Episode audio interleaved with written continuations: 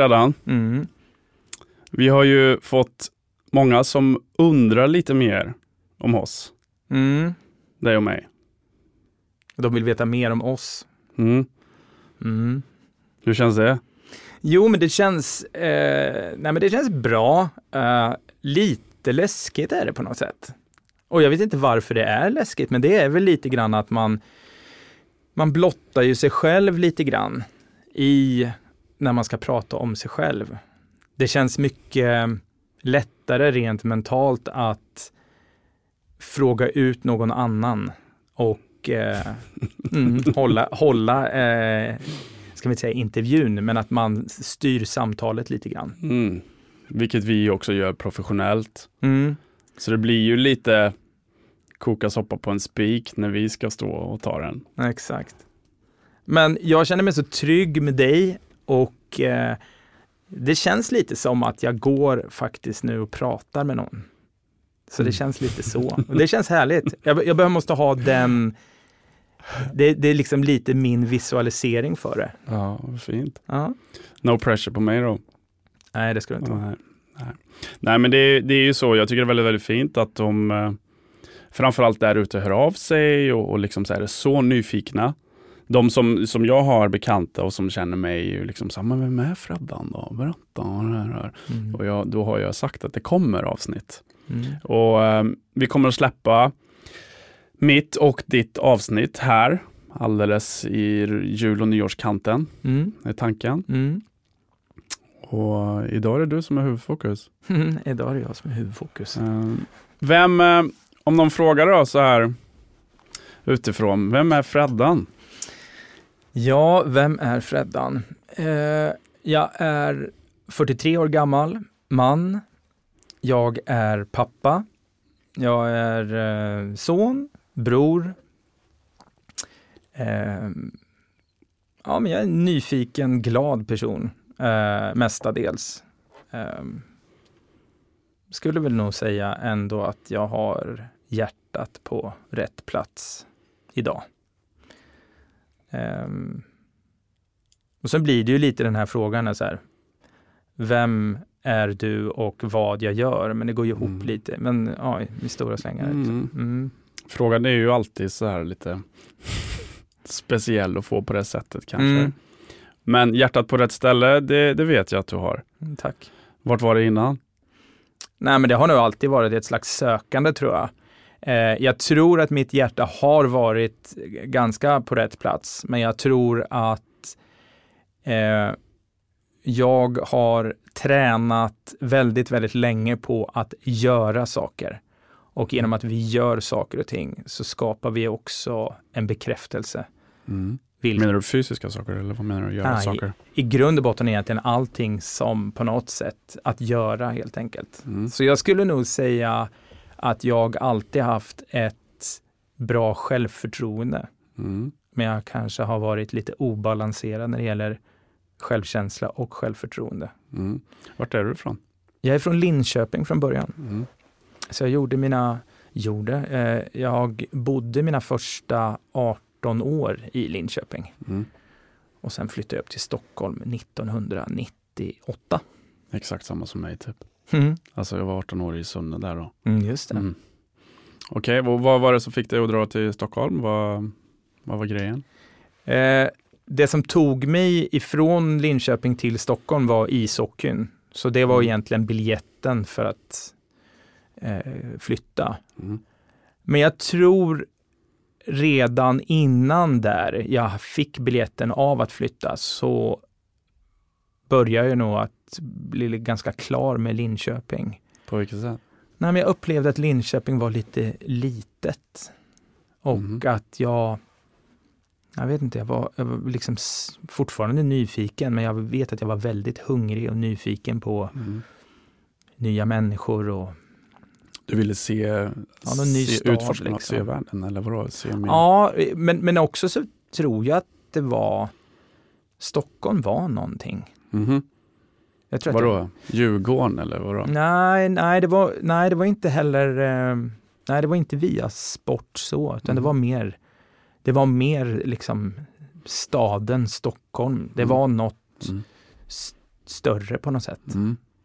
Och det här kan man ju titta på eh, under den tiden när jag växte upp så var det ju jag vet inte, men det är klart att det kanske påverkar, men du vet, eh, som jag bara kommer ihåg, så man såg någon film, eh, Stockholmsnatt och man Mm. såg Sökarna och, Ja, just ja, du vet alla de där filmerna. Men det borde väl ha fått en att undvika Stockholm, tänker jag. Sökarna är Ja, men det varit, ja, fast för mig så blev det nog ändå mer ett nyfiket liksom. Mm. Även fast jag kanske inte kunde relatera till mig själv. För jag var Mm. väl inte så, om Mm. tänker. Jag var inte, jag var inte, jag var inte stökig liksom på det Nej. sättet. Nej. Ehm, nej men det var, det, någon, någon dragningskraft har Stockholm haft. Och jag är kvar. Jag menar, jag har ju bott Mm. längre i Stockholm än vad jag har Mm. bott i Linköping. Mm. Har du alltid varit nyfiken? Eller? det Alltid. Ja. Alltid varit nyfiken. Kan du komma ihåg den första gången när du verkligen var så här, oh, boom, här är en nyfiken känsla. Ja, men jag har nog också alltid haft ett nyfiket öga för detaljer, så jag har liksom alltid, ehm, ja, men framförallt när det gäller personer, Mm. eh, alltså hockeyspelare, idoler, eh, artister. Ansikten är du väldigt bra på. Ja, är du är väldigt- helt otrolig på att känna igen människor. Ja, jag har en, det är en gåva. Ja, Det är verkligen en gåva. Och jag märker faktiskt, om man bara ska göra en sidogrej, men min dotter har fått samma. Är det Hon, så? ja, hon ser detaljer. Mhm. Så På vilket sätt? Nej, men jag, när jag ser ditt ansikte så kan jag sätta ihop liksom ögonfärg och jag, jag ser detaljerna i det och det gör att jag kommer ihåg. Sen får man inte glömma att jag har ändå mött extremt mycket människor och Mm. jag har tränat på ansikten. När jag Mm. stod i dörren under en period i mitt liv så du, du möter människor, så du scannar människor hela tiden. Exakt. Och för att du ska kunna scanna av människor, eh, titta dem i ögonen och Mm. liksom, ja, låta dem känna sig välkomnade in Mm. dit Mm. de skulle då. Mm. Så, ja, så du, du har stått i dörren på klubbar och nattklubbar? Och, Mm. Ehm, hur kom det sig? Är det så här? mm, Ah, en stolpe in-grej. ja, Det är en av alla grejer jag har gjort. jag tycker det är asfett. Ja, jag har hållit på med väldigt, väldigt mycket, men det, jag tror att det ligger i nyfikenheten. Men Ja. ja, men, ja jag vet inte det, hur det blev så. Eh, jag lärde känna en person som eh, tränade på det gymmet som jag jobbade då. Mm. Och eh, nej, han frågade bara om jag var intresserad av att jobba som någon slags av entrévärd. Mm. Men då kände jag så här, äh, stå i dörren, det vill jag inte hålla på med. Vad ska jag göra det för? liksom så här. För jag, jag också såg det som en, att då måste man ju vara duktig på att slåss. Mm. Är det så? Nej, men det var min tanke då. Mm. Eh, men så märkte jag att det går ju faktiskt bara att vara trevlig. Mm. Så jag hoppade på det och testade bara och jobbade lite extra, med lite extra pengar. Mm. Och sen så fick jag frågan på en annan klubb. Eh, då var det, då när jag jobbade första gången, alltså då var det på Söder. Mm. På ett ställe som heter Tidlös. Så alla som kommer ihåg Tidlös så stod jag där. Alltså. ja. eh, och sen så blev det eh, Grodan på Mm. Grev Turegatan. Mm. Cocktail Club. Där har man varit någon gång. Mm. Och sen så blev det East och sen har jag stått på ja, massa andra Aha. Ställen. Men mer på slutet så vart det väl mer egentligen. Stod lite mer på events och biopremiärer och Mm. sånt där. Mm. Men ja, Coolt. Coolt. ja. Var, och, eh, var det där du livnärde dig på då när du, när du kom hit eller gjorde du, gjorde du med, med annat? Ehm, nej men då hade jag, alltså så det här är ju, Du, du har ju en rolig story, alltså så här, för du heter ju Ring Freddan. Ja eller Alltså ja. på, på alltså, lite så här sociala medier och så. Eller du kallas för Ring Freddan ska jag säga kanske. ja det blev så. Ja. Ehm, Kan du inte berätta den storyn, för den är ganska härlig. Mm, Jag vet ju om den. Ehm, nej, men under, under tiden då eh, så var det så att jag jobbade i en butik tillsammans med en ägare, Ludde. Och vi drev eh, mailboxes, hette det. Mm. Och jag hade också fått in en fot, för jag jobbade också även på East. Så jag Mm. jobbade väldigt mycket. Mm. Eh, Du körde och- dagtid på mailbox och, och kvällarna på is typ. Ja, så jag jobbade typ måndag, onsdag, fredag, lördag, natt och sen så jobbade jag dagtid i den här butiken. Mm. Plus att jag spelade ishockey då också. Mm. Så det var liksom, ja, det var ju liksom ingen rast och ingen vila. Vilket lag spelar du hockey i by the way? Då spelade jag i Trångsund, Mm, division okej. 1. Eh, men i alla fall, då så eh, hade jag vänner som höll på med, eh, ja, de var idésprutor för det de, de, de var som reklamare tror jag. Mm. Och eh, då var det faktiskt en kompis till mig då som sa så här, fan Freddan, jag har kommit på en- ett jättebra namn. Ring-Freddan. Lite som en sån här gammal springchas som bara löser saker och ting. Du har ju sånt stort brett kontaktnät. Ja. Eh, fan, det, det, det är det du ska göra. Och jag kommer ihåg då, bara, nah, men det, nej, det kändes lite låg självkänsla och kanske lite, Mm. ah, det vet jag inte. Men han tryckte upp en logga. Nej. Jo, han tryckte upp en logga. Faktiskt ganska intressant, men en, visitkortet är turkosa. Lite samma som färg som vi har på Mm. våra logga nu. Mm. och eh, någon typ vinrosröd Mm. ringfreddan, en sån här gammal logga. Och så stod det din fixare sedan 2000. Jag vet inte om det var åtta eller nio. Så jävla härligt och så jävla rätt. Och där tog det fart faktiskt. Mm. Eh, och eh, jag sa upp mig och eh, jobbade väl lite dörr fortfarande. Mm.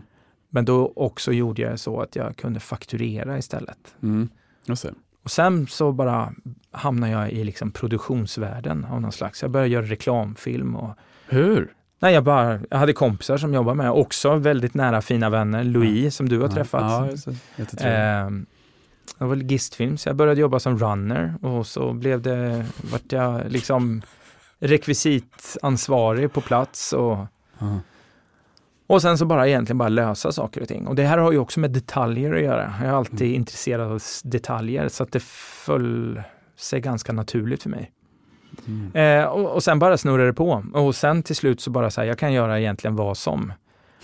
Så folk ringde om flytt och om ombyggnationer. Även fast jag själv inte gjorde det så hade jag kontakterna så att jag kunde hela tiden förmedla Jaha. jobben hela Det tiden. var som ett nav typ då. Ja men verkligen Ja. så.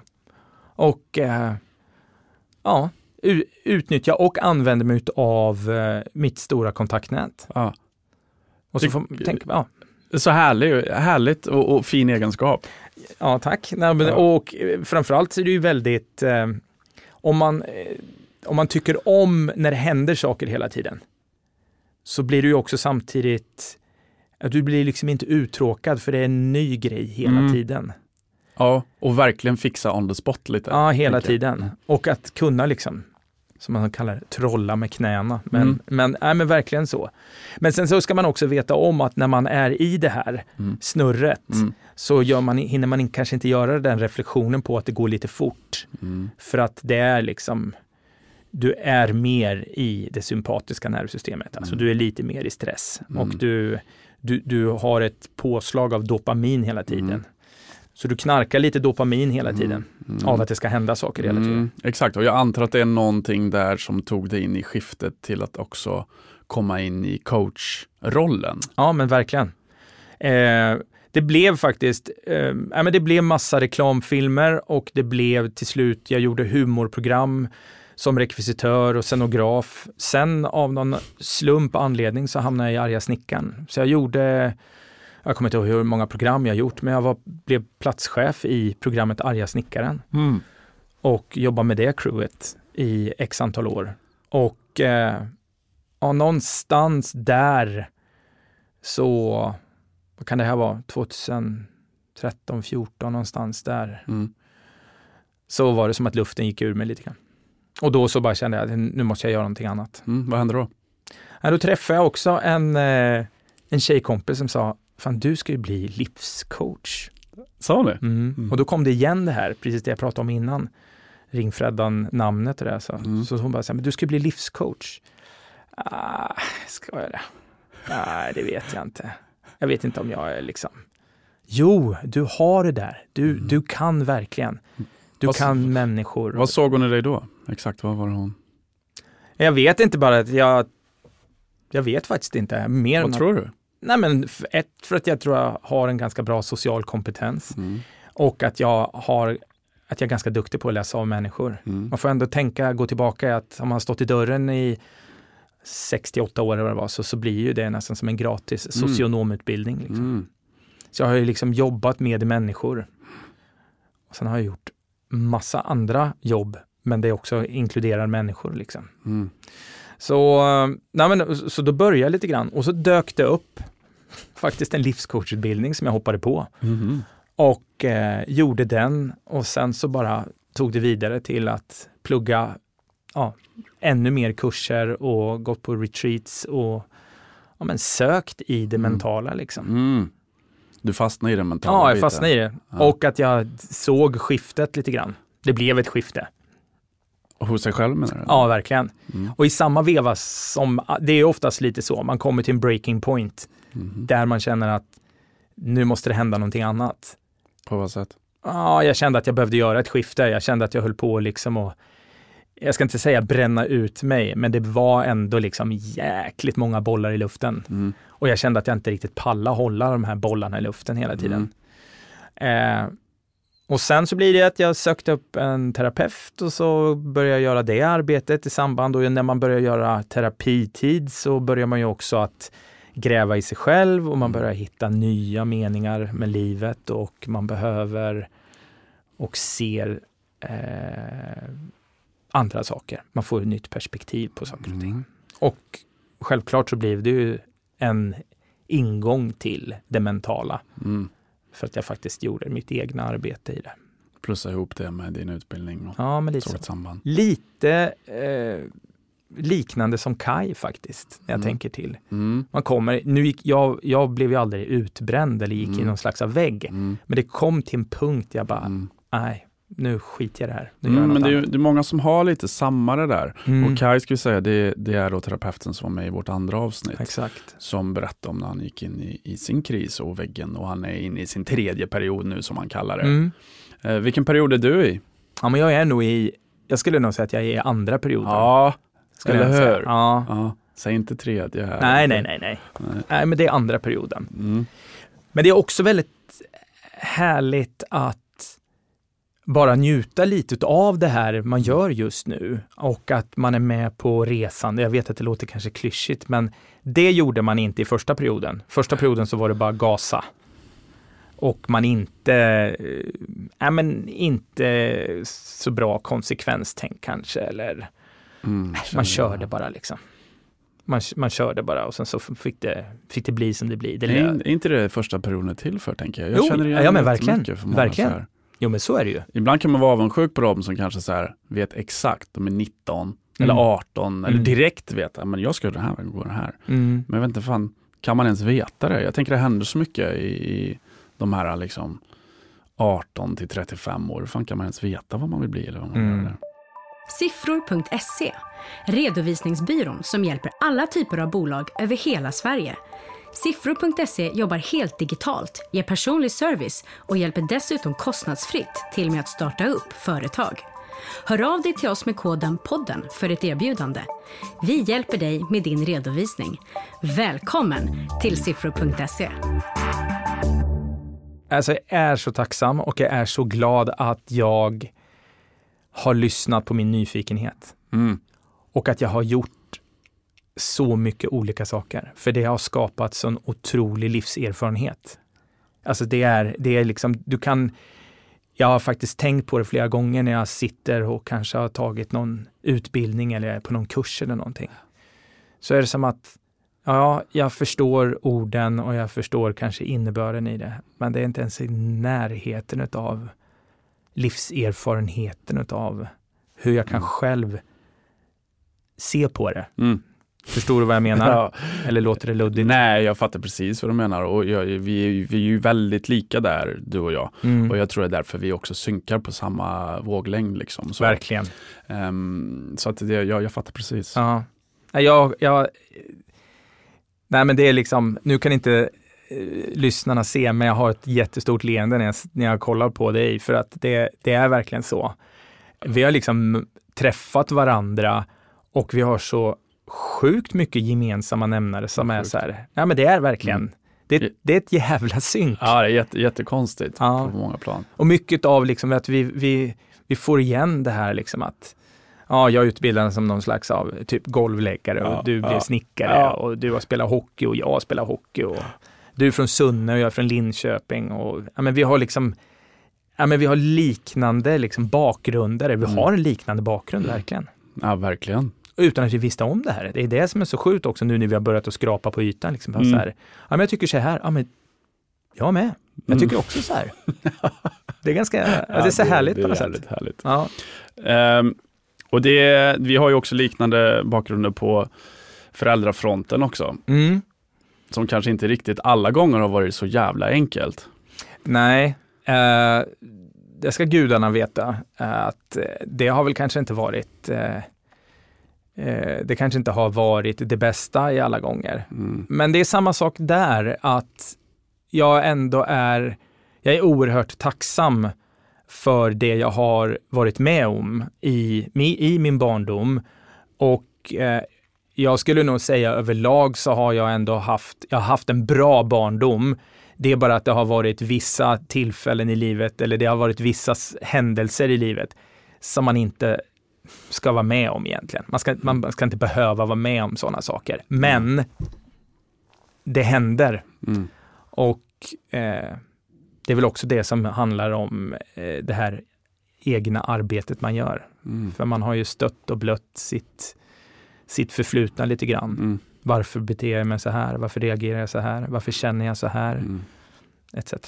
Men att du gör jobbet och är medveten i det här och ser det. Mm. Det, det är ju det, är det som är hela, även om det är någonting som kan vara eh, tufft och utmanande så är det ju någonting som faktiskt blir en klyschigt nog styrka och en, en, ja, men en kraft om du kan se det.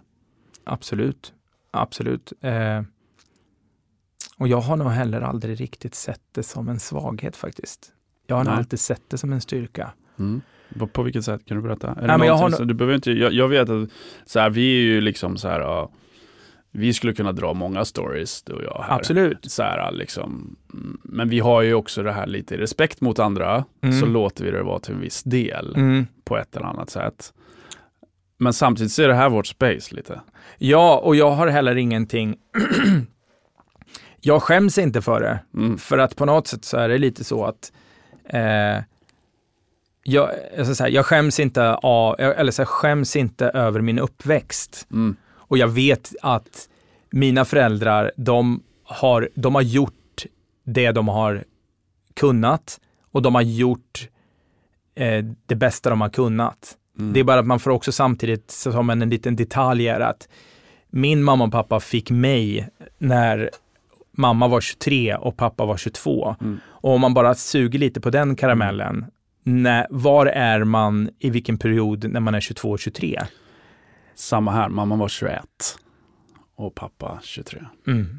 Och det är väl klart som fan att man, eh, det är klart att man slungas in Mm.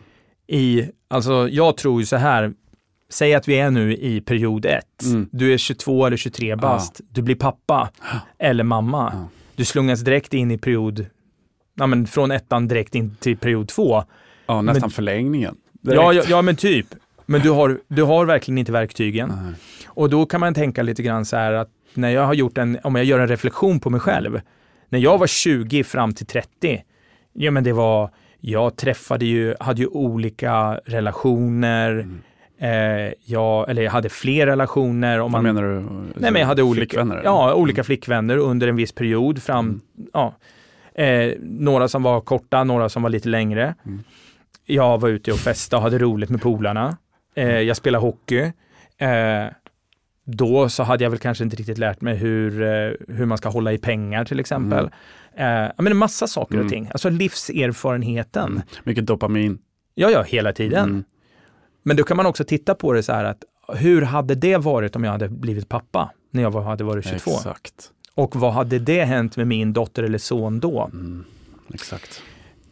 Eh, så, så att, eh, och nu säger jag inte att mina föräldrar kanske har levt samma liv som jag gjorde mellan, mellan 20 och 30, men det blir ändå på något sätt. Förhoppningsvis inte. Nej, Mm. Men det man ska veta om en sak av att eh, ja, det, det, det, det, blir en konsekvens utav det. Mm. Av att skaffa barn väldigt tidigt. Mm. Eller. Ja. Sen säger jag inte att det finns, finns människor och föräldrar som klarar, klarar det briljant. Absolut. Men det tror jag också handlar lite grann om deras, eh, deras föräldrar. Och så kommer vi och så pratar vi om generationer. Mm. Liksom. Mm. Och har du, en, har du en, en bra trygghet och en bra uppväxt, Mm. då tar man ju med sig det in i sin egen, sitt egna föräldraskap Mm. etc. Mm. Och du har ju en dotter som heter Nia. Mm. Eh, hur gammal var du när du fick henne? Jag, var, eh, jag var närmare 40, så Mm. jag var väl lite, vad ska vi se här, ja, jag var väl 38, 39 där någonstans. Mm. Också bästa gjort. Alltså bästa gjort, alltså utifrån ett egoistiskt perspektiv så att bli pappa så sent, Mm. eh, alltså egentligen bara bra. Mm. För min del, för Det, att eh, alltså ett, livserfarenhet, eh, kanske in i slutet av period två, eh, har gjort mitt skit när det gäller terapi, eller jag ska inte Mm. säga skit, men att jag har ändå gjort stött och blött mitt Mm. och att jag har fått eh, kunna reflektera på livet överlag. Mm. Och när hon väl kom så var det på något sätt så här, det här ska jag göra, det här ska jag inte göra. Mm. Alltså jag hade, mycket mer en klar plan. Mm.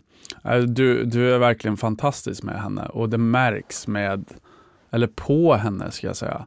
Ja, tack. Hon är verkligen, ja, men hon, är, hon är speciell när man träffar henne. ja, hon är, Hon har ett visst, eh, jag vet inte vad jag ska säga, någon form av eh, ja, men närvaro, eh, kärna. Nej, hon, hon är väldigt, väldigt trygg. mm, Och jag vet, du berättade en gång att din terapeut delade en fin sak som du skulle vara för henne. Jag tyckte det var så fint och ett sånt bra råd till alla föräldrar. mm. Och vad var det?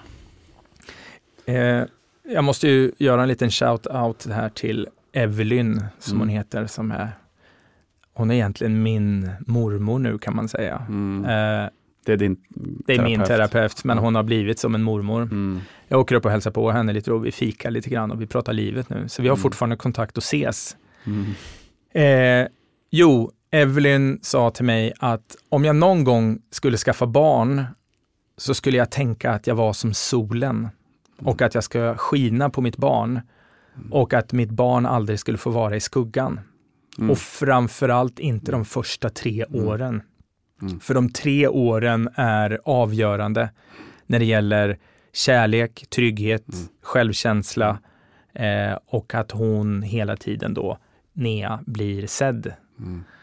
Och eh, det där har jag, alltså jag har verkligen hållit i det där. Jag har Mm. jobbat stenhårt, eller stenhårt, men jag har verkligen jobbat jättemycket på att vara närvarande med henne. Vad gör du då? Har du några exempel? Jag, Mm. vet, jag vet några, men eh, vill du dela? Nej men första tre åren så var jag, jag hade också möjligheten för att det här var ju också eh, när jag eh, hade fått lite snurr på det jag gör och att jag hade väldigt mycket egen, eller så, jag hade mycket hemmatid. Och eh, vi växlade lite grann. Så de första tio månaderna med Nea så tror jag att jag hade missat två dagar eller någonting. Så jag var med henne nästan varje dag i tio månader. Mm. Så vi har ju skapat också ett band till varandra, där vi är väldigt nära varandra. Men jag jobbar jättemycket med hennes självkänsla. Mm. Så jag säger till henne, framförallt när vi går och lägger oss, så säger så här, du vet att du är unik, att du är underbar, att du är fantastisk, att du är stark, att du är modig, att du är energifylld, att du är nyfiken, att du är Mm. snäll. Och att jag har gjort det här ända sedan, ja men typ, jag började säga när hon kom till oss. Liksom. Mm.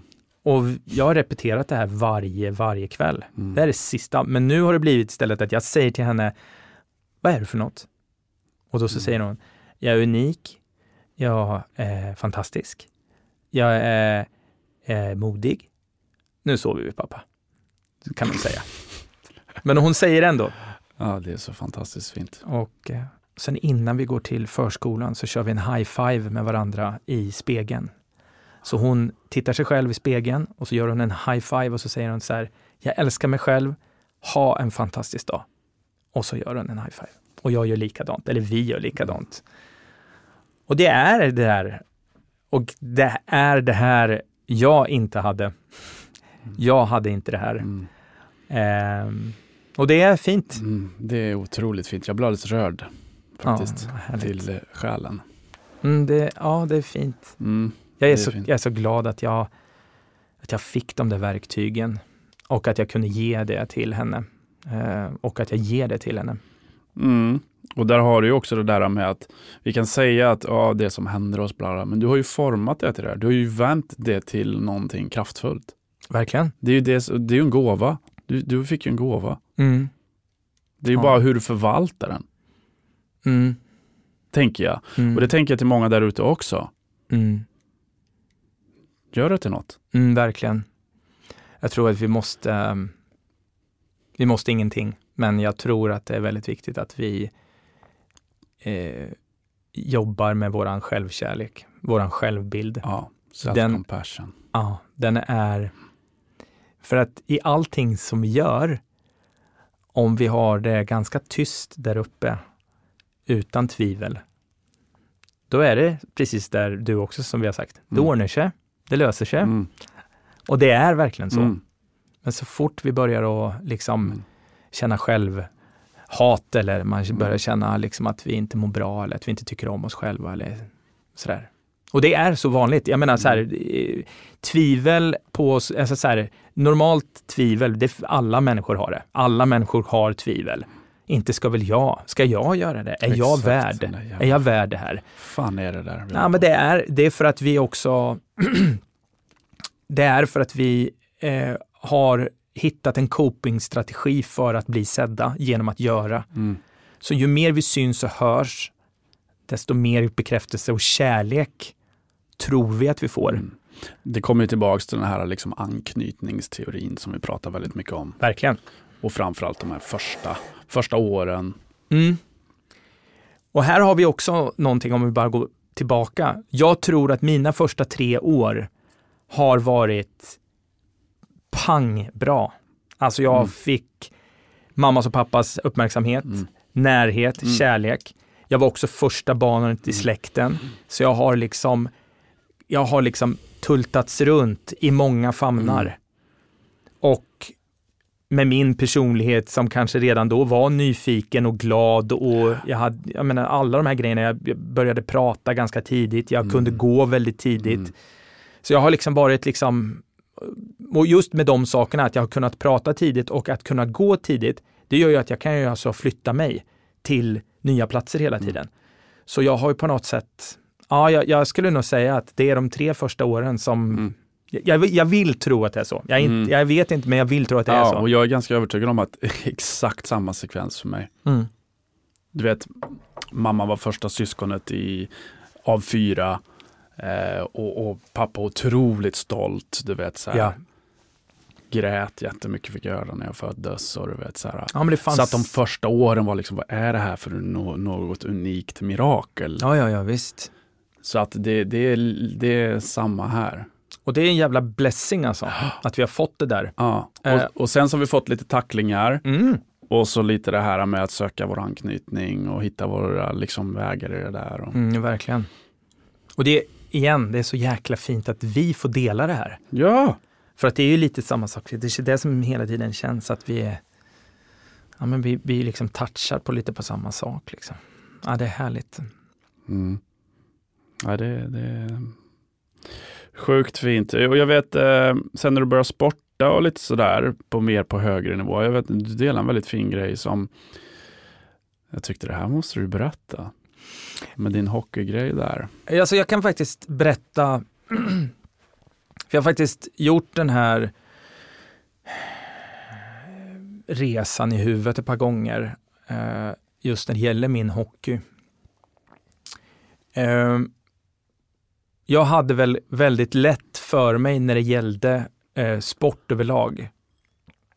Jag har alltid haft en talang i bollsporter eller kroppsmotorik överlag. Och jag skulle vilja säga att jag var ett väldigt energifyllt barn.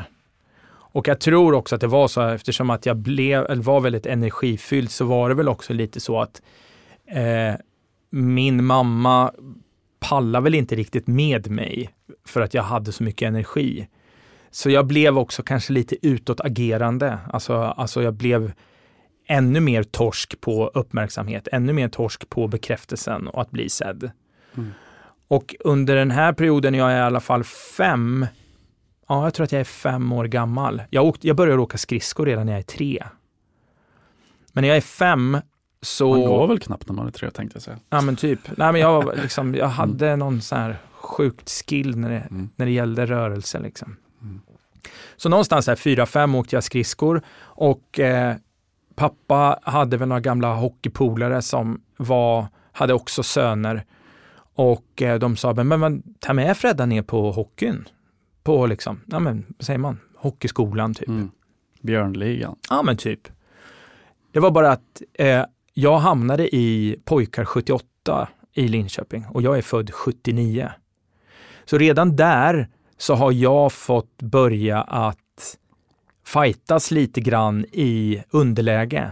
Alltså jag har alltså spelat med killar som har varit ett år äldre. Mm. På ett sätt väldigt bra, för det har ju varit hela tiden utvecklande för att bli bättre som hockeyspelare. Men jag har också alltid fått känna att jag hela tiden har slagit i underläge.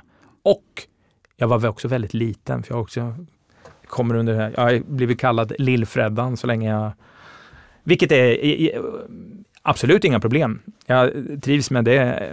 Och så liten är du? Vad är du? En... Vad kan jag vara nu? 1,75 men, men, men, men, eh, men då så var jag väldigt liten. Mm. Eh, ja, ska försöka göra den här short story. Men, men eh, det enda som jag tänker på är att jag börjar att inse att min pappa spelar hockey också. För jag kommer ihåg att min pappa spelar hockey. Och här kommer det här liksom känslan av att ah, jag vill bli som min pappa. Mm. Jag kan inte riktigt komma ihåg eller ta på att det var så det skulle vara, mm. för jag har inte den känslan nu att jag ville spela hockey för att min pappa spelar hockey. Men troligtvis så är det så. Och jag ville göra honom stolt. Man vill göra som sin pappa. Mm. Eh, och, eh, Exakt. och sen har ifrån fem års ålder så har jag jagat min pappas bekräftelse och egentligen alla sporter, men framförallt hockeyn. Mm. Och det var faktiskt hockeyn som jag ändå valde när man skulle välja där, typ runt TV-pucken. Men mm. jag höll ju på med fotboll och innebandy mm. och jag dansade och ja, men sen, så jag höll på med väldigt mycket saker. Men det var typ hockeyn och jag tror undermedvetet var att så här att om jag slutar med hockeyn och väljer en annan sport, då sviker jag pappa. Exakt. Inte för att det är uttalat, utan jag bara undermedvetet tänkte nog så. Mm. Så jag har spelat ishockey, älskade ishockeyn, absolut. Men jag också insåg att jag hade en bekräftelse från min pappa, för min pappa var ändå intresserad av hockeyn. Men jag fick heller kanske inte höra så mycket att jag var så bra. Och det var ju också på grund av att jag spelade ju också med bra spelare. vårt lag var alltså fenomenalt på den tiden. Vi var liksom topp fem i Sverige. Mm.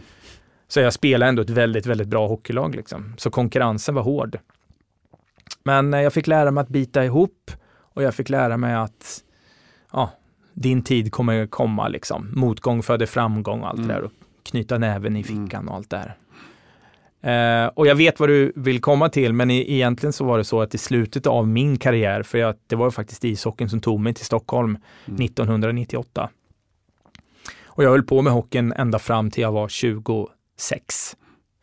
Och eh, då så kommer jag ihåg att jag hade ett samtal med min pappa på telefon. Och han ringde mig nästan varje dag. Varje dag ringde han och så bara, hur är vädret i Stockholm? Och vi pratade lite sånt, väder och vind. Och sen så frågade han, gick det på träningen igår? Och, är det träning idag? Ska du spela på onsdag eller ska du spela på söndag? Liksom. Så det var typ det vi pratade om. Mm.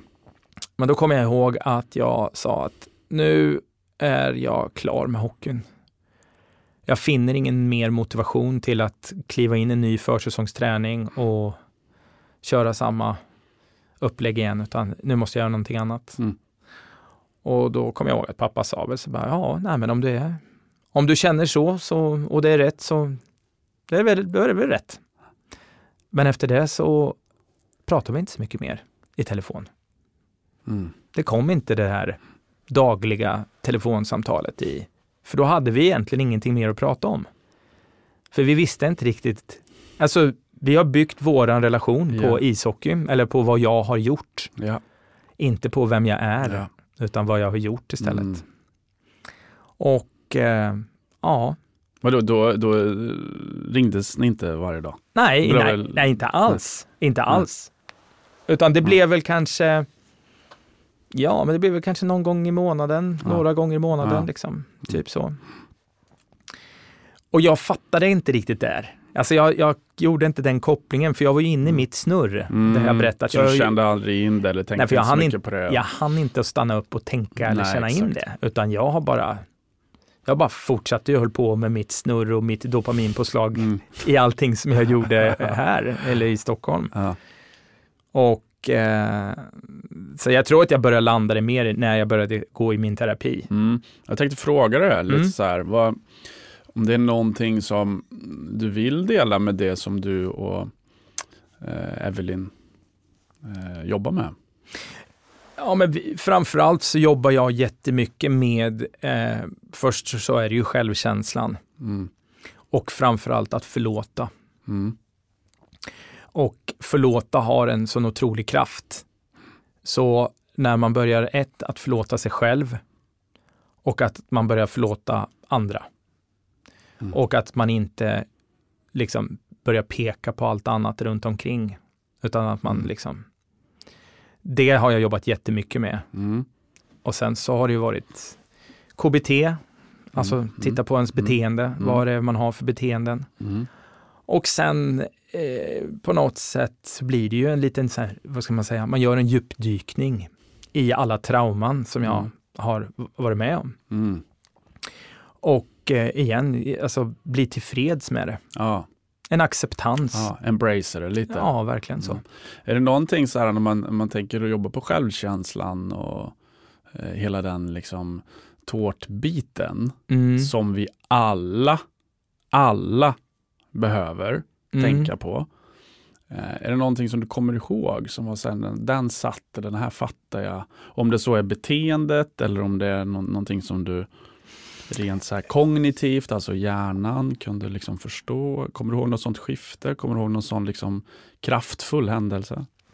Ja, men den, den, den, det som var mest kraftfullt för mig var, eh, det var ett, när jag skrev ner hela mitt liv eller hela min barndom och kunde faktiskt bara skriva av mig. Jag tror, alltså jag, alltså jag, tror jag skrev ett halvt kollegieblock liksom. Om allt, eh, om allt. Mm. Alltså bad and the good liksom. Men eh, när jag väl läste igenom det där så var det så jävla skönt för att jag kommer ihåg att jag eldade upp det där kollegieblocket sen. Mm. Och det blev det här symboliska. Det kändes som Ja. att jag faktiskt släppte en massa stenar ifrån en ryggsäck. Ja, du vet att det här är en teknik som används väldigt, väldigt mycket. Yes. Eh, och vi ska säga det att det finns ju inte, alltså om man vill jobba på självhjälp, att Mm. skriva och sätta pennan till pappret yes. och liksom kognitivt se pennan röra sig, få ner det på pappret, är väldigt, väldigt, väldigt, väldigt kraftfullt. Om det så är att man vill eh, bara så här grateful-logga eller få ner Mm. någonting som du säger livsstilsmässigt eller eh, vad säger man, skicka en em, visualization Mm. liksom och lite så här. Och sen om man jobbar liksom, om man vill jobba med, med sin skugga, sin shadow, Mm. då är det ju lite så, du skriver ner de här hemska eller jobbiga eller Mm. nu vad det är, kan jobbiga sidor med sig själv. Och sen så rent visuellt eldar du upp dem. Mm, det blir symboliskt Exakt. Mm. Här, tack och hej, Mm. nu förlåter dig här Mm. lite. Och det funkar konstigt nog. Eh, och egentligen så kommer jag ihåg att det här var, jag tror att efter att vi hade haft x antal samtal så, så eh, det var faktiskt egentligen inte hon som sa att du ska skriva om ditt, utan jag började göra det. Mhm. För jag började, alltså så här, så det kom, eh, Det var det du hade lite då kanske? ja men lite då, på något sätt att jag var liksom, och så tog jag med mig det och läste upp det för henne. Ah. Och eh, ja, sen så det är massa saker och ting som, eh, nej men det är massa saker som att jag har fått lära mig att gråta till exempel. Mm. Eh, det är också en sån sak. Det har vi fler män som har pratat om här. Ja, Mm. exakt. Mm. Eh, Och jag är väl egentligen i, i, idag inte superbra på att gråta. Ja, jag är inte det. Jag, alltså, eh, och vet faktiskt inte riktigt varför. Jag känner mig inte stängd eller blockerad längre. Men jag har fortfarande ganska svårt att komma till gråt. Liksom. Mm. Eh, konstigt nog. Jag vet inte. Det, kommer, jag brukar, det kommer eh, två, tre gånger per år ungefär. vid olika tillfällen. Och det kan vara... Niagarafallet. Ja, alltså så här, nej det kanske inte är alltså, det är kanske inte så supertömningar, men, men eh, ja. Mm. Och det, det, alltså, det kan vara absolut av sorgliga skäl. Mm.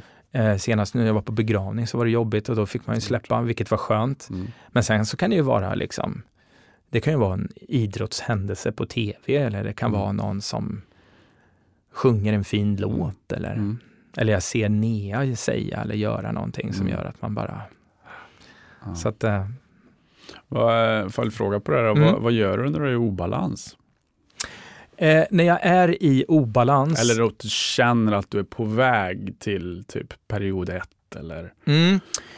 Jättebra fråga. Eh, när jag känner att jag är obalanserad, då kan jag direkt titta på om jag har gjort min, alltså gjort min, alltså min, tagit min medicin rent metaforiskt. Eh, och det är meditation. Mm. Det är meditationen och att Hur mediterar du? Eh, ja, just nu så eh, kör jag egentligen, jag sätter mig ner och sen så gör jag heart coherence breathing i ungefär 20 minuter. Heart coherence breathing är att man andas in fem sekunder in genom näsan och sen andas man ut fem sekunder lugnt. Och det ska heller aldrig vara fullt in, fullt ut, utan man ska bara se till att ha en, vad ska man säga, ett flowigt, en flowig eh, rörelse Mm. i andningen. Det gör jag i 20 minuter och sen så sätter jag eh, mig bara helt still och bara mediterar i tystnad. Det är det som jag har, har gjort mest. Mm. Sen har jag testat självklart massa guidade, Mm. eh, massa guidade meditationer. Mm. Och det kan vara skönt ibland också, att man behöver ha en röst eller någonting. Mm. Eh, Sen så kallbadar du ju mycket. sen kallbadar jag. Du har ju liksom erfarenhet mycket med breathwork. Mm. Eh, vill du berätta på hur du kom in på det? Eh, egentligen så var, var det väl isbadandet som gjorde att jag blev mer intresserad av andningen. Mhm. Så det var väl någonstans 2000, kan det vara 2010 kanske? Någonting sånt. Mm. Som jag började att eh, ja, frekvent bada kallt. Mm. Och i början så egentligen var det mer att jag skulle bara utmana mig själv om jag, om jag ens kunde komma ner i det kalla vattnet. Mm. Eh, men det är också sådär, repetition ger färdighet. Mm. Och när man gör det dagligen och repeterar det så blir ju kroppen självklart anpassningsbar och man, ja, man blir mer, vad ska man säga, resistent. säger Ja, och stresstålig. Och stresstålig Tänker jag liksom så. För kallbadning i sig själv är ju en form av stress. Mm. Du skickas ju in i, Ja, Fight or exakt. flight. Och då får du liksom hantera stressen. Mm. Var i den, men kontrollerbart liksom. Se, Verkligen. jag har kontroll. Och det kan du också ta med i massa andra delar i livet. verkligen. Tänker jag personligen, Ja. det lilla som jag gör med det. Mm. Ja, men det har ju blivit en, en härlig grej och jag har hållit i det där och jag tycker att det är, jag får inte, lite, jag får inte riktigt samma effekt som jag fick i början. Nej, Men det är, det är inte så konstigt. nej.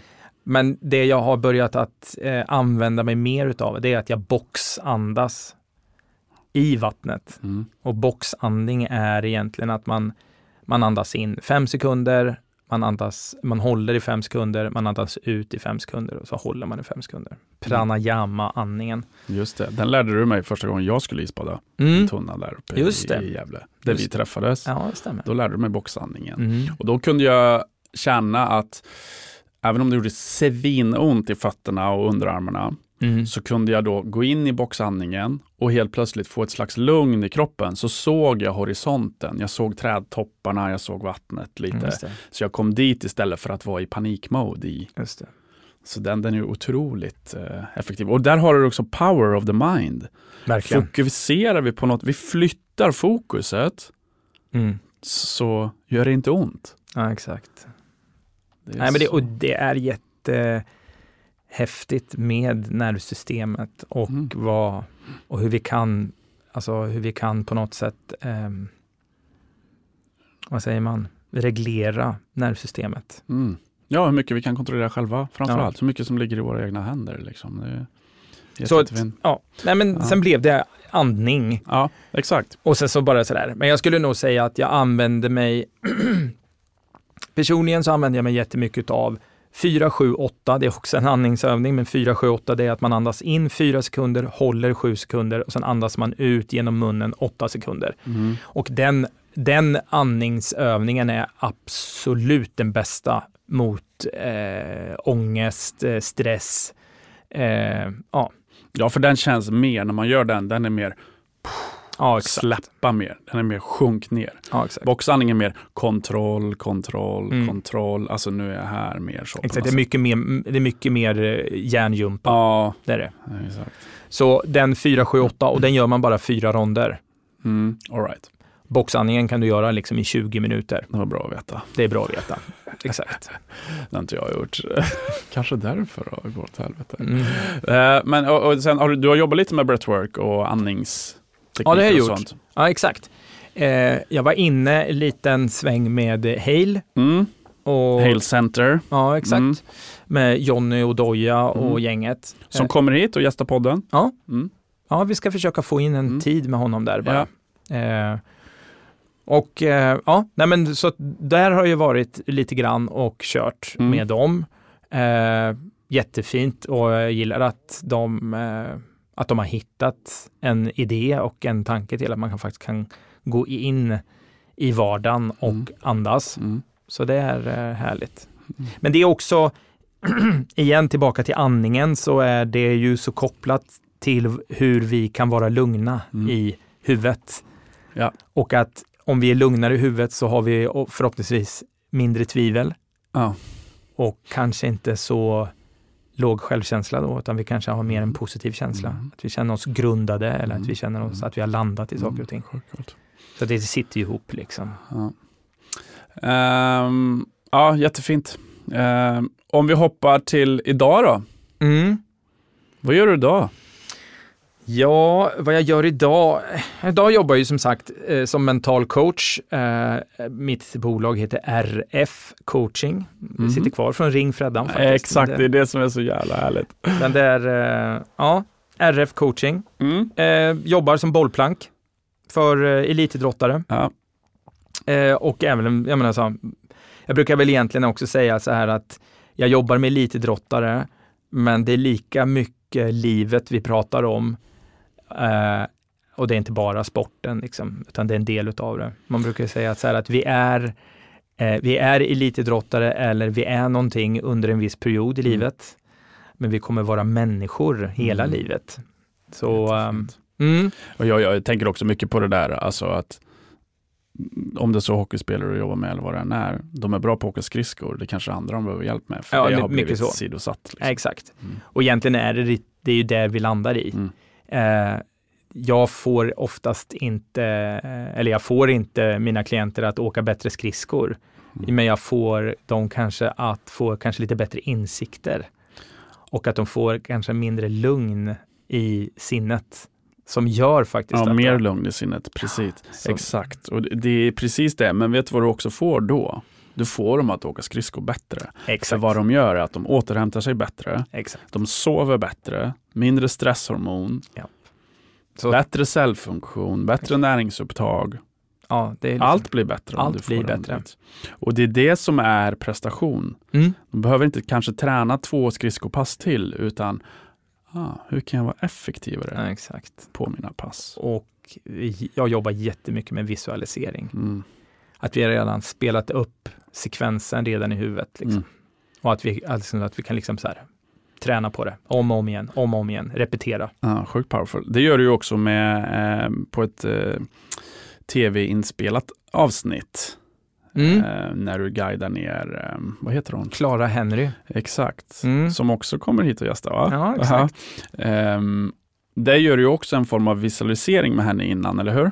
Exakt. Vi, kör, eh, vi körde boxandning och så fick hon ligga ner och visualisera ifrån den platsen som hon låg så fick hon tänka sig att hon gick upp och sen så sakta men säkert gå ner till tunnan. Och så fick hon då ta in eh, ljud och hon fick ta in eh, dofter eh, och eh, hur känslan bara var på vägen ner. Mm. Och sen när vi väl kom ner till tunnan rent visuellt så spolar vi tillbaka det. Så hon fick liksom mer eller mindre i huvudet spela tillbaka filmen. Och så gjorde vi det fyra gånger. Så vi spelade fram och sen spelade vi bak och så spelade vi fram och så spelade vi bak och sen spelade vi. Och så när vi väl gick ner till tunnan eh, på riktigt, Mm. då var det som att hon hade redan upplevt det här. Mm. Så när, vi, så när vi redan hade tränat på att hon satte ner höger fot, vänster fot, satte sig ner och sen så bara andas och så fick hon titta mig i ögonen och sen så, började, så coachade jag henne ner i det. Och hon satt ändå sju minuter och Ja, hade coolt. inte badat kallt innan direkt. Ja, det är jävligt powerful. Ja, det var häftigt. Mm. Så vi, ja, vi sitter på vi sitter på massa bra saker. Mm. Eh, men tillbaka till vad jag gör Ja. så, eh, så jobbar jag med klienter. Jag coachar också i kallbad. Eh, Mm. Och så kör jag ju podd med dig, Mhm. Det gör du. vilket är otroligt roligt tycker jag. Det är väldigt härligt. Ja, det är härligt. Det är höjdpunkt. Ja, det är sån Ja. jäkla kraft och energi Ja, alltså. ja, Det är det är glä- eh, 100% glädje. Ja, det är höjdpunkt. Eh, sen utövar jag brasiliansk jiu-jitsu, eh, som jag har hållit på med sedan 2016. Mm. Också väldigt roligt och Mm. roligt att du också gör det. Ja, det är skitkul. Och att vi gör det i samma, på samma klubb. Liksom. Ja, jätte, jätteroligt. Vad har du för bälte? Jag har lila bälte nu. Mm. Hur är graderingen där? Det Jag är vet vitt, blått, lila, brunt, svart. Mm. Bara två kvar då. Det är bara två kvar. Men eh, som sagt, det är också så här fint med kampsporten. Det är att det är disciplin och att du puttar in tiden. Det är din tid som du lägger på mattan. Och det är tiden på mattan som gör att du skapar en mer erfarenhet i tekniken och i din egen kroppsrörelse och förståelse i biomekaniken, hur du Mm.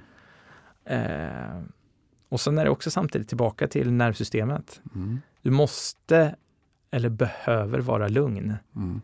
i trängda Mm. lägen, situationer när man är där. No shit. Och det är ju också så här, det är ju inte kanske fullt normalt att man har en armbåge i ansiktet eller Nej. att man håller på att bli strypt. Eller är som någon- igår, jag hade ett liksom, arsle i ansiktet. Liksom. Ja.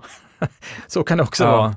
Och då får man alltså, antingen så får man lägga fokus på arslet i ansiktet Ja, Eller så får man bara tänka att ja, it is what it is. ja. Men han kommer inte kunna strypa ut mig med arslet. Nej, det kan man Får bara boxandas. Ja, exakt. Man får boxandas. Ja. Ja. men det, me- mer liksom att kunna hantera eh, jobbiga lägen. Liksom. Mm. Och sen försöka kunna bara så här, ja men om jag kan andas lugnt här Mm. så kanske jag kan ta mig till en bättre position. Liksom. Ja, ja, det är fint. Det, det är Mm. väldigt, det är en bra sport. Det skulle jag faktiskt tipsa om att eh, om man vill testa någonting helt nytt, Mm. För man behöver inte ha hållit på med någonting annat innan som har med kampsport eller någon närkamp egentligen. Men börja med brasiliansk jiu-jitsu. Det är så otroligt bra för ett, för kroppen, för du håller dig mjuk. Eh, du blir stark, uthållig, men framförallt är det så bra för huvudet. Mm. Det är strategi, Mm. det är logiskt tänkande, du behöver vara lugn. Mm. Alltså det är massa saker och ting. Ja, verkligen. Jätte, jättemycket. Och börja lugnt kan jag bara rekommendera. Ja, För det är lätt man kommer in från en annan värld och så ska man ta i, ta i, ta i, ta i. Mm. Och då bara bränner man sig själv. precis. Men du blir också lite fostrad. Du, du, alltså brassjutsen fostrar ditt ego. Absolut. Så att om du inte hänger egot Mm. utanför Mm. dojon eller mattan Mm. och tar du, ja, tar du med dig då egot in, Mm. då får egot en törn alltså. Ganska så snabbt. Mm. Ja. Det, och så är det faktiskt. Ja. Så att, eh, Ja. nej men det, är- det är verkligen... Det, Utövar du någon mer träning eller något annat sånt fysiskt? Jag vet att du gymmar en del. Och... Mm, jag försöker att gå till gymmet eh, i alla fall ja, varje dag. Mm. Eller ja, så mycket som det går. Mm.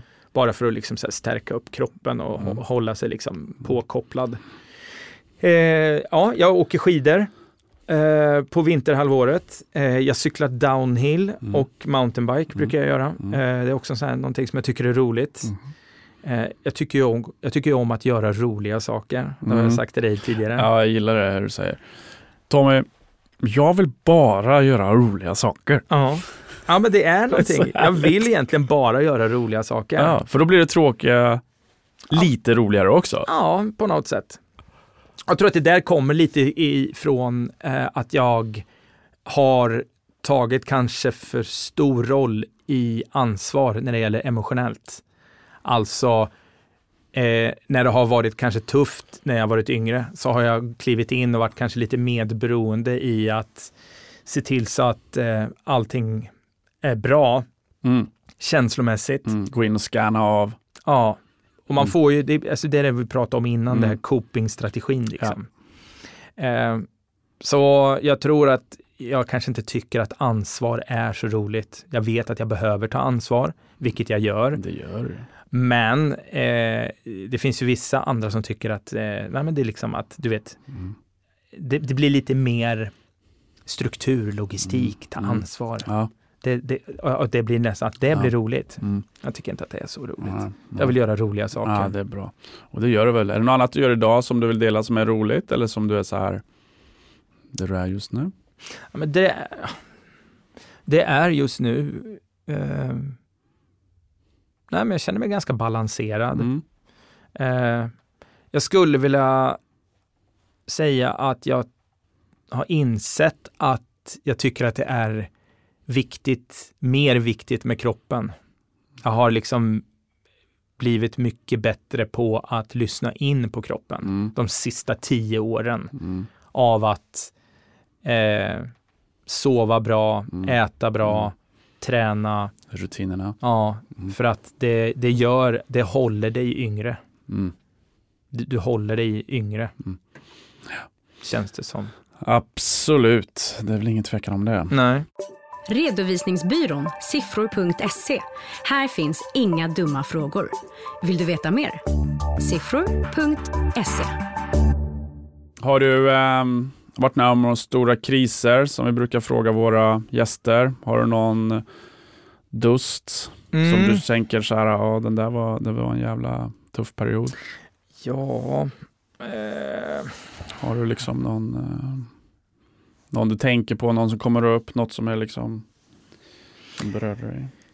nej men när jag, när jag tänker på kanske kriser och sådär så skulle jag väl nog säga ändå att många utav kriserna eller de här småkriserna egentligen hände väldigt mycket i ung ålder. Mm. Vad är det? Nej, men jag, Rå åtta eller? Ja, alltså jag skulle nog säga i alla fall att jag kanske var 10-12 någonstans där. Eh, så jag har varit med om saker och ting som jag vet som på, har påverkat. Mm. Och det har påverkat en att man har gått omkring med ganska hög gard. Mm. Eh, och det har jag fått deala med i vuxen ålder. Mm. Men jag skulle nog säga att jag har nog inte haft några superkriser egentligen. Mm. Men det där låter som en ganska kris ändå, som du säger med garden, om när man är 12, man kanske inte har full förståelse och så. Nej, men Du verkligen. behöver inte dela exakt vad det var kanske, men så här, vad, vad hände, Nej, men jag kan, jag, dig då? Alltså, liksom garden, skydd, det låter som att, okej. Nej, men jag, så här, eh, min mamma blev sjuk eh, och Mm. eh, jag kommer ihåg att jag var tvungen att eh, eh, jag var tvungen att eh, hjälpa till och ta i kontakt med ambulans Mm. och sådana saker. Och bara, bara den delen är, blir inte så bra om man är 12. Nej. Och även fast jag kunde kanske hantera situationen då, så är det på något sätt som att man, man Men man kan väl inte det när man är 12, Nej. jag. och Man kan väl knappt ringa 112 som det var då, eller? Nej, men för, för att Eller 90 000 ringde man då kanske? Ja, så kanske det var. Mm. Ja, det var det nog. Eh, nej, men jag, jag bara kommer ihåg bara liksom att man, man är ju i fight or flight. Mm. Och på något sätt så har man nog kanske varit lite närmare fight or flight. Mm. Och jag har ju också insett att jag har ju liksom hittat massa copingstrategier för att fly det där. Mm. Så jag har ju liksom varit på flykt någonstans. Mm. Så jag har ju också insett att allting jag har gjort Mm. har ju varit kopplat kanske att jag varit nyfiken, jo, Mm. men det har också kanske varit en flykt av att jag inte Mm. har vågat stanna upp och känna in. Ja. Så att det ligger lite hand i hand. Mm. Eh, så därför har jag nog tidigare gått, haft en ganska, liksom, ska säga, en hög gard. Men jag har också alltid haft, vad ska jag säga, skrattet och det har också varit ett copingstrategi. Få folk att skratta och hela tiden vara lite så klassens clown och vara lite ja. Mm. bara för att liksom på något sätt också så överleva. Man kan inte gå och bära på massa skit eller för tunga prylar. Jag kunde inte det, Nej. utan jag var tvungen att liksom skämta bort det. Mm. Och jag vet att det är folk i min närhet som har bara så här, du kan aldrig vara liksom, du kan aldrig vara allvarlig. Du ska alltid bara skämta bort saker och Mm. Och det är för att vi hittar olika copingstrategier Mm. i hur vi ska hantera Ja. tuffa grejer. Ja, verkligen. Sen om man, man var äldre så har man väl kanske varit med om som hjärtekross och sådana saker. Men Ja. inte inget sånt som har varit superjobbigt. Det var kanske var jobbigt just då. Men igen, livserfarenhet. Mm. Och ja, exakt. Och sen så hände ju med din eh, Caroline. Ja, jo, Alltså hon fick ju den, eh, hon fick ju cancer. hon fick cancer. Hur gammal var, var hon och du då? Eh, det är 2016 som det hände.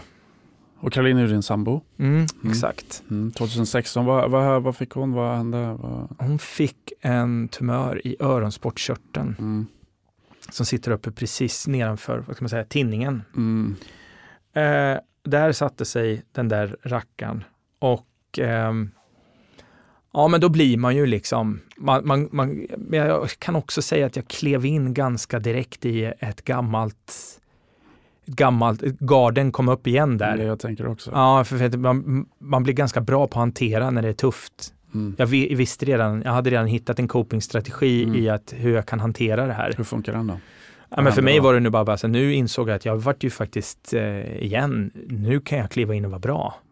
Nu kan jag kliva in och vara ett riktigt stöd. Här är du bra liksom. Här är jag bra. Ja. Här kan jag liksom, Mm. Det här har du varit med om förr, här är Ja, du stark, det här exakt. löser jag. exakt. Och att vara en, vad ska jag säga, en motivator, en inspiration. Vi grejer det här tillsammans liksom.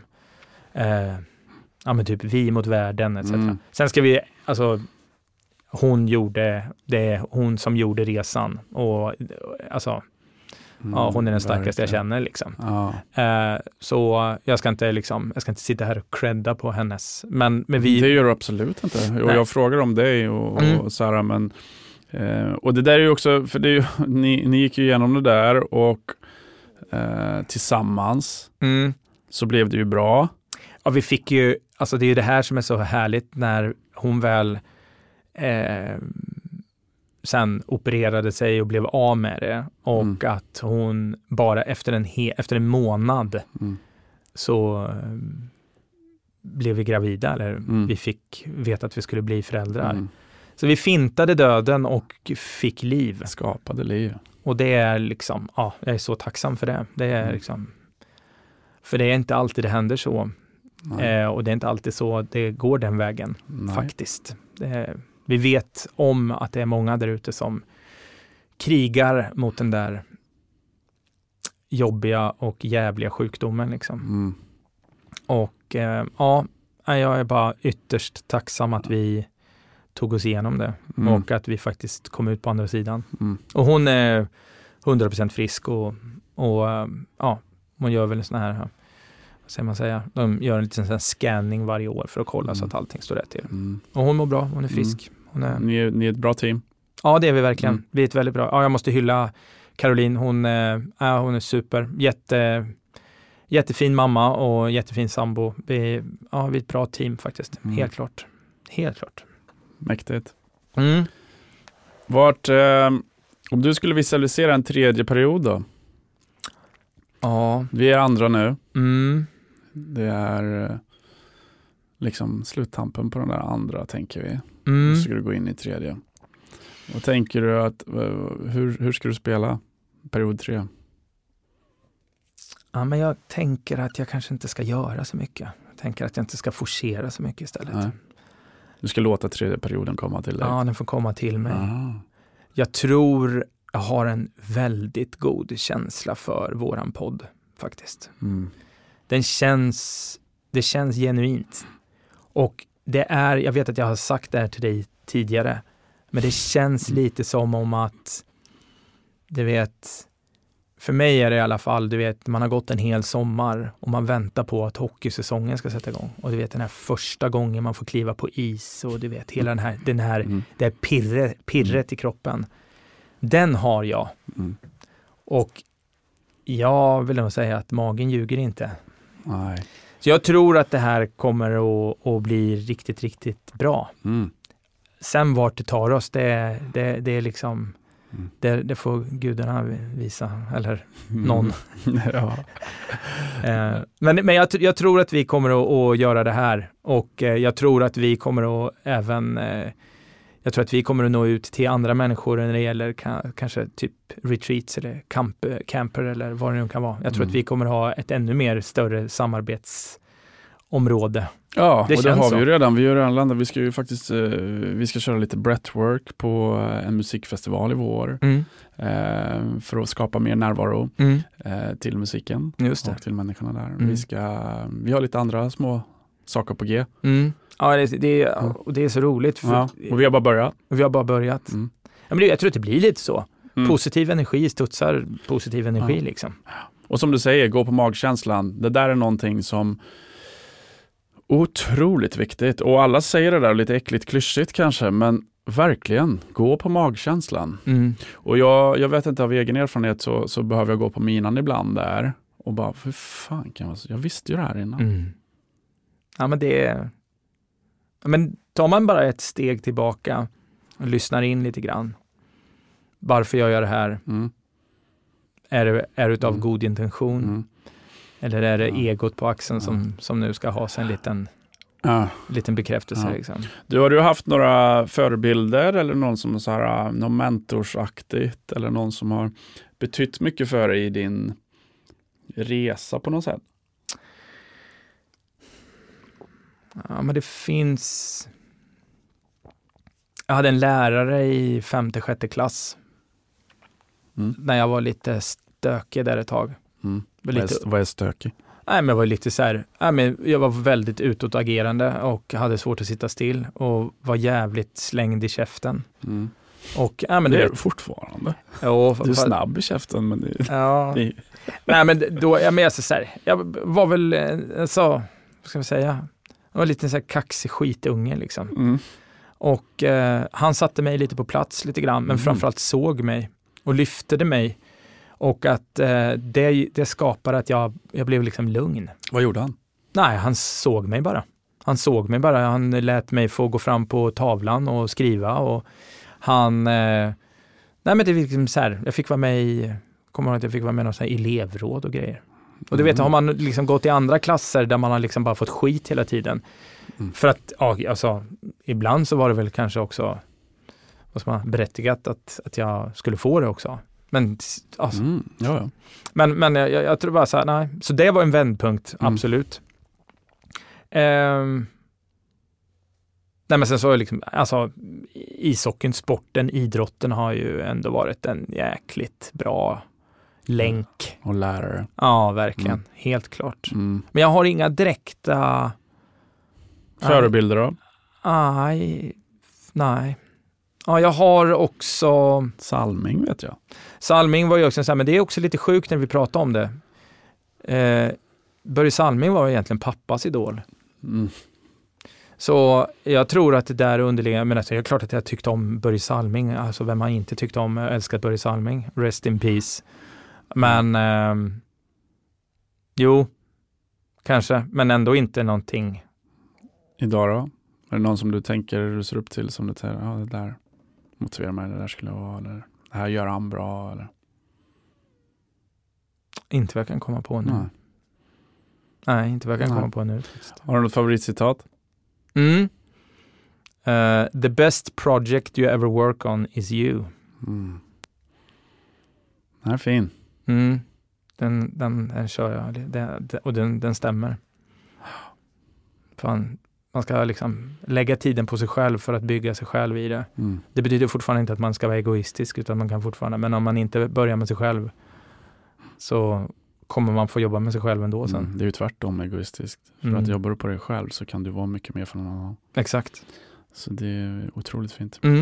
Eh, mitt, eh, min favoritsekvens i den här podden är ju Freddans djurbok. Mm. Eh, och du har ju den här, du vet ju det här och eh, så att vi, vi kommer faktiskt göra så här idag. Mm. Att du kommer inte få säga på ett djur eller tänka på ett djur. Nej. Eh, du ska få säga stopp Ja. när jag bläddrar lite i den här boken. Mm. Och så, du ska säga stopp två gånger. Först när jag ska stanna sida och vart jag drar fingret. Okej. Okej. Så vi börjar lite här då. Tre, två, ett. Stopp. Vänster eller höger? Höger. Min eller din? Din. Säg stopp. Stopp. Häst. Okej. Oj, väldigt lång. Frihet börjar inifrån. Min gåva till dig är att känna dig fri.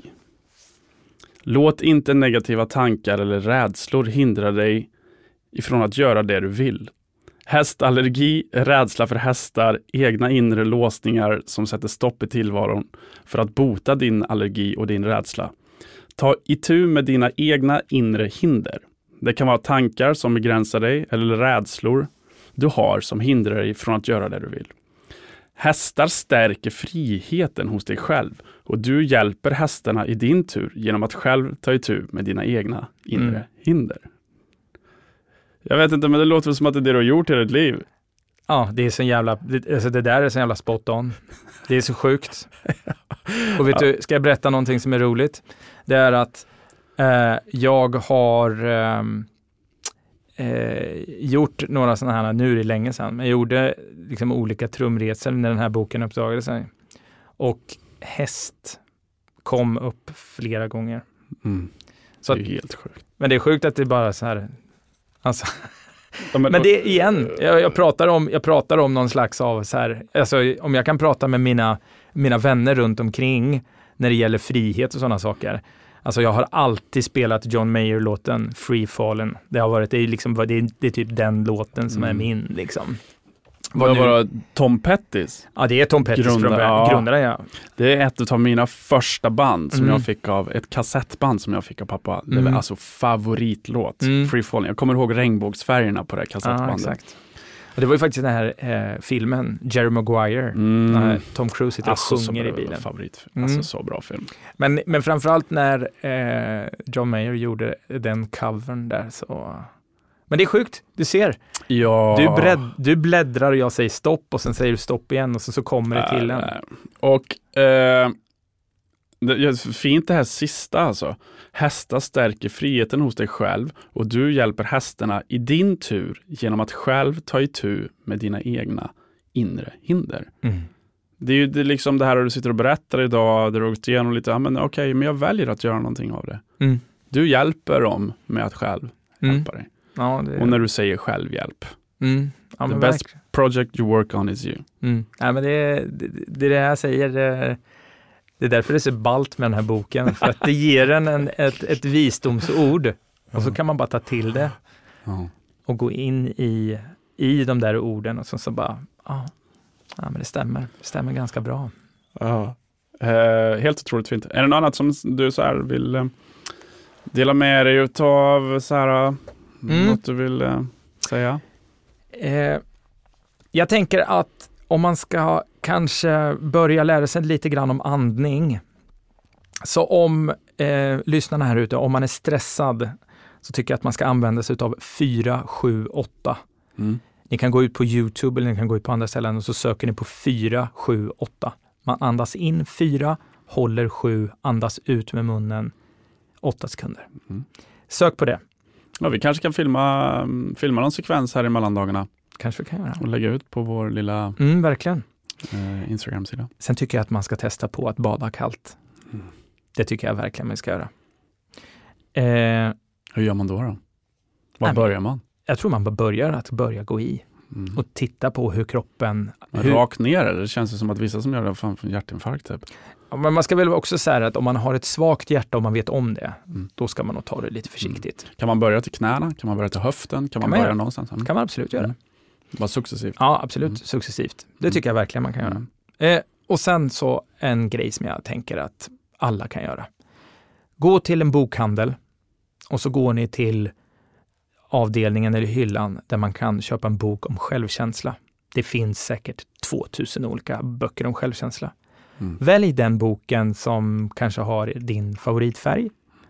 Eller om det är någon speciell författare som ni tycker om. Men köp en bok om självkänsla och så läser ni den. Och i den boken som ni köper så kommer det absolut finnas övningar hur vi jobbar med självkänslan. Gör det. Mm. Jag, tänker, det- jag, jag tycker det är så fint, eh, bara avslutande så här. För det du, du nämner att du gör med NIA, det är egentligen väldigt enkelt, Väldigt enkelt. men väldigt kraftfullt. Mm. Det är bara att det ska göras, det ska tas action Exakt. och det ska hända lite. Men det behöver inte vara, man, jag tror att många kör fast med att Åh, hur ska jag hitta det? Hur ska jag vara? Hur ska jag... Det är verkligen det här lilla.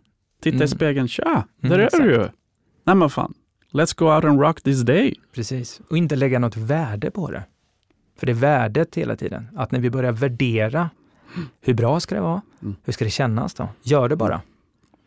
Gör det Ja, bara. men just det här med att det är så enkelt att ibland, ja ah, men nu fan är det här hårströjt, för äh, nej nu blir inte makeupen bra eller den här skjortan sitter fel eller istället bara, du, you Embrace should it. go out tonight. Mm, Exakt. Embrace it liksom. Ja, ja eh, så eh, otroligt kul och fint att få dela det här Ja, tack. timman med dig. Eh, many more to come. Mm. Eh, kram på dig Fredan. Kram.